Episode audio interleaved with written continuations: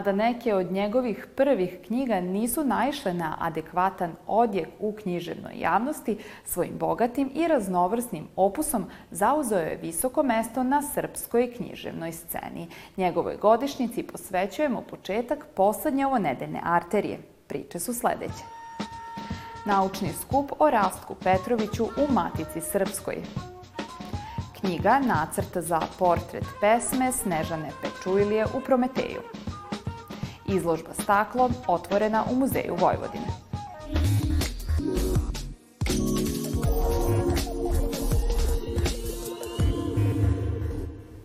Deli nas 125 godina od rođenja jednog od najznačajnijih i najplodnijih srpskih pisaca 20. veka, Rastka Petrovića. Tim povodom u Matici Srpskoj održan je naučni skup, na kojem su govorili potpredsednik Matice i dopisni član Srpske akademije nauka i umetnosti, profesor dr. Jovan Delić i profesor dr. Bojana Stojanović-Pantović. Dobrodošli u Arteriju. Bolje vas našli. Bolje vas našli. Originalno delo vrhunske umetničke vrednosti svrstava Rastka Petrovića među najvažnije autore u periodu između dva svetska rata. Šta njegov opus čini univerzalnim i prepoznatljivim širom sveta i danas? Kad je riječ o prozi, imate opet tu slovensku mitologiju, slovenski neomitologizam, kako se to u literaturi zvanično zove, e, zvanično, kako se to u literaturi najčešće naziva. I e, imate, naravno, e, bogatstvo žanrova, hibridizaciju žanrova, Ljudi govore kombinacija, to je knjiga koja je kratki roman, zapravo najčešće se tako kaže, koja je kombinacija zapravo nečega što je putopis i priča, roman, naracija, ali istovremeno sa elementima možda čak i nečega eseističkog što je neobičan spoj, gdje imate e, funkciju govora, razgovora ljudskog kao nešto što je dominantno u toj prozi i potpuna inovacija kakvu vi nemate kasnije u našoj prozi, do te mjere i takvu, ali imate tragove uticaje takve, takvog jednog modela. Imate onda jednu burlesku gospodina Peruna Boga Groma, koja je već iz naslova, vidite koji je to slovenski mitologizam tu, i e, Svetog Ilije, koji je naravno kasnije zamjena gospodina Peruna Boga Groma kod nas, kod Srba. I imate e, taj, e, to je ono veoma važno, taj rastkov pokušaj da se ono što je Evropa tražila, to je da zapravo okretanje nekom primitivnom svijetu, iskonskom, ovom onom. Dakle, da je to sve on tražio u našoj tradiciji. Predsedavali ste prvom sesijom kada ste održali predavanje pod nazivom Neki aspekti tumačenja Rastkovog eseja Svetski rat u stranoj i našoj književnosti. Kako je pisac gledao na taj globalni tragični fenomen čiji je učesnik i sam bio? Rat je nešto što je njega proganjalo praktično od najranije mladosti, jer je on sa 17 godina prešao Albaniju i tu mu je i brat rođeni izgubio život, jeste poginuo, tako da je taj njegov život bio izuzetno nesrećen, usamljenički, neprestano obeležen nekakvim sećanjima, nekakvim reminiscencijama. Čak i onda kad se ne govori o ratu, vi znate da je ta, taj recimo lik proživeo ratno iskustvo. To je recimo slučaj Ovde smo čuli o njegovoj ranoj fazi i te staroslovenske priče i burleska, ali onda dolazi recimo roman iz 28. to je sa silama nemerljivim. I to je u stvari neki predložak za roman Dan šesti koji on ubrzo posle počeo da piše, jer je sin glavnog junaka iz romana sa silama nemerljivih praktično glavni junak ovde. Tu imate tu temu samoubistva, jako mnogo uticaja žida, znači židovog i moraliste, kovača lažnih novca, odnos prema ocu, e, ta neka Rastkova e, priča koja je inače priča mnogih avangardista jeste i tema incesta. I to je nešto što je karakteristično posle i za momčila, samo ne na jedan telesan, već na jedan platonski način. Kakav je refleks Petrovićeve poetike kod savremenih stvaralaca i postoji li književna vertikala od njega pa do autora našeg vremena? I upravo je govorio i kolega Marko Nedić o prozi, posjećajući kako su, recimo, neki od pisaca, odnosno neki od kritičara i teoretičara prepoznavali nešto kod Bulatovića od Raskove energije i stila, ali naročito kod postmodernista, citati, kultura, igranje sa tekstovima, e, to je sve naravno raskova tradicija. A što se poezije tiče, sve ono što je u znaku, recimo Vaska Pope, poslije drugog svjetskog rata, svakako je u, u, u refleksu ovoga pjesnika. Ja, ja imam tezu koju obrazlažem danas da je u vezi e, i to vrlo prisnoj e, Rajko Nogu i njegova poezija sa Raskom Petrovićem. To djeluje neverovatno, ali to je apsolutno dokazivo na tekstu. Ja bih samo dodala da je e, čitava mlađa generacija srpskih pesnika i pesnikinja pod uticajem, da tako kažemo, neonadrealizma i Rastka Petrovića. Kad pogledate neka jezička rešenja koja koristi Rastko, neke sintagme jezičke, neke vrlo bizarne metafore, oni pišu na veoma sličan način i zapravo uh, obistinjuje se ono što smo rekli da posle 100 godina će možda Rastko biti nama blizak. Koliko je u delu Rastka Petrovića bilo tradicionalnog, a koliko modernog u pristupu temama o kojima je pisao i pevao? Kod njega ne postoji nikakav e, tradicionalan pristup obradi tema. Znači, e, on ima samo odnos prema tradiciji. Taj odnos prema tradiciji čuli smo u pitanju je folklor, u pitanju je mit, u pitanju je antropologija, u pitanju je recimo kolektivno nesvesno, znači ti arhetipovi, i ta neka mitopejska linija srpske avangarde koju pored njega najbolje oličavaju Momčilo Anastasijević, Ranko Mladenović, kasnije tu je i Vinaver, naravno Desimir Blagojević i u savremenoj književnosti imamo mnogo autora, Vukadinovića, Tešića i tako dalje, koji idu, idu tim stopama. Hvala na razgovoru.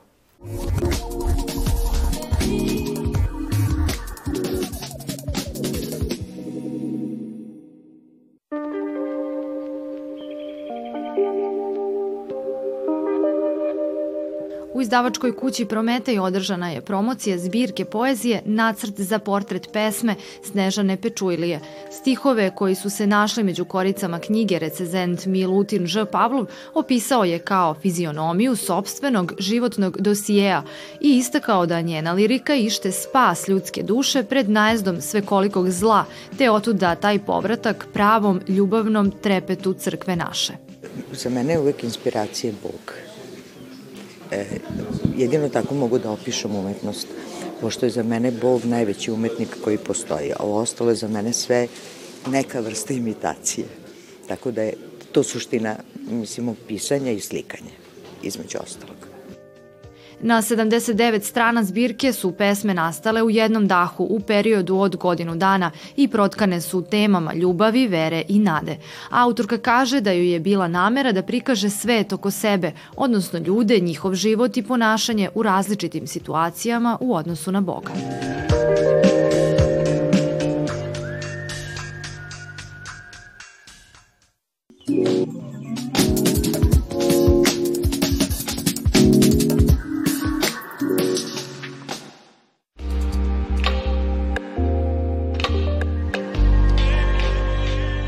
Staklo je materijal koji vekovima zadivljuje svojim fizičkim i estetskim svojstvima i oblicima, budi maštu stvaralaca od praistorije do danas. Razvijajući tehnologiju njegove izrade, čovek mu je pronalazio najrazličitiju namenu u svakodnevnom, dekorativnom i umetničkom oblikovanju materijalne stvarnosti. Stoga nije neobično da se u Muzeju Vojvodine predmeti od stakla čuvaju u više zbirki, arheološkoj, istorijskoj, umetničkoj i etnološkoj. Sada su okupljeni na jednom mestu na interdisciplinarnoj izložbi jednostavnog naziva Staklo, koja je rezultat rada devetočlanog autorskog tima sa direktorkom muzeja arheološkinjom Tijanom Stanković-Pešterac na čelu. Staklo postoji u našim zbirkama još od prvog veka pre nove ere, tako se dato je najstariji predmet napravljen od stakla, to su staklene narukvice keltske, od plavog stakla koji su kelti proizvodili po kojima su bili čuveni. A e, prirodno staklo su ljudi poznavali još mnogo prije toga. Tako da u stvari najstariji stakleni predmeti ovog puta od prirodnog stakla potiču od pre 7000 godina. A onda smo priču gradili iz više uglova. E, jedan od uglova je bio taj da pričamo priču o duhovnosti. Pa šta je sve staklo moglo biti u duhovnom smislu? Otud smo izložili recimo ikone na staklu. A staklo se koristi i u nakitu i kao deo nekakvih odevnih predmeta za ukrašavanje. Tako da smo predstavili staklo iz naših zbirki, rimskih zbirki, pa sarmatskih. Postoji i savremeni deo izložbe, jer smo nekako hteli da predstavimo i staklo u savremenoj skulpturi. I autor tog dela je doktorka Mirjana Blagojev, ona je profesor na Akademiji umetnosti i ona se bavi staklom. Ona je predstavila svoje skulpture i instalacije takođe. Izložbom Staklo predstavljen je deo bogate kolekcije Muzeja Vojvodine i ukazano na mnogobrojne aspekte ovog materijala. 2022. bila je u znaku Međunarodne godine stakla, koja je, zahvaljujući tome, postalo predmet istraživanja i izlaganja brojnih muzejskih ustanova u svetu i kod nas neko zna nekoga ko svira staklenu harmoniku, odnosno ko svira na staklenim čašama, neka se javi Muzeju Vojvodine, mi bismo rado da napravimo koncert na ovom instrumentu koji je zaista jedan ozbiljan instrument i može da, da odsvira i da podstigne razne tonalitete.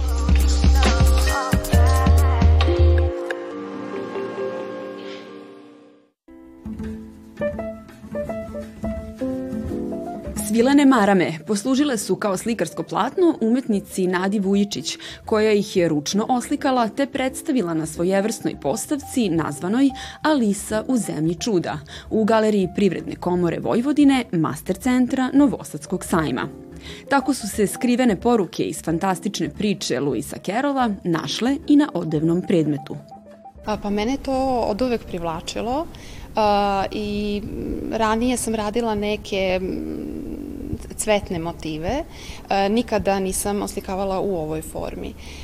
U suštini to se radi kontur pastama pre svega i koriste se posebne vodene boje za svilu i uglavnom sam koristila te tehnike.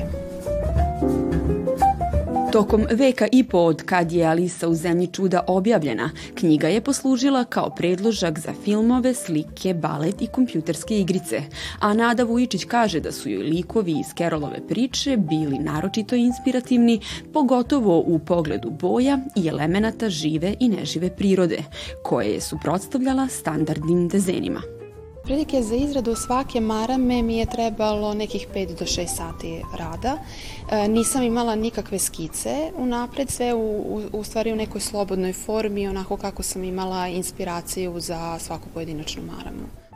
Izložbu svilenih marama Alisa u zemlji čuda, koje mnogima mogu poslužiti kao jedinstveni modni detalj, nemojte propustiti do 22. decembra. Kulturna manifestacija Dani grčke kulture Novi Sad 2023.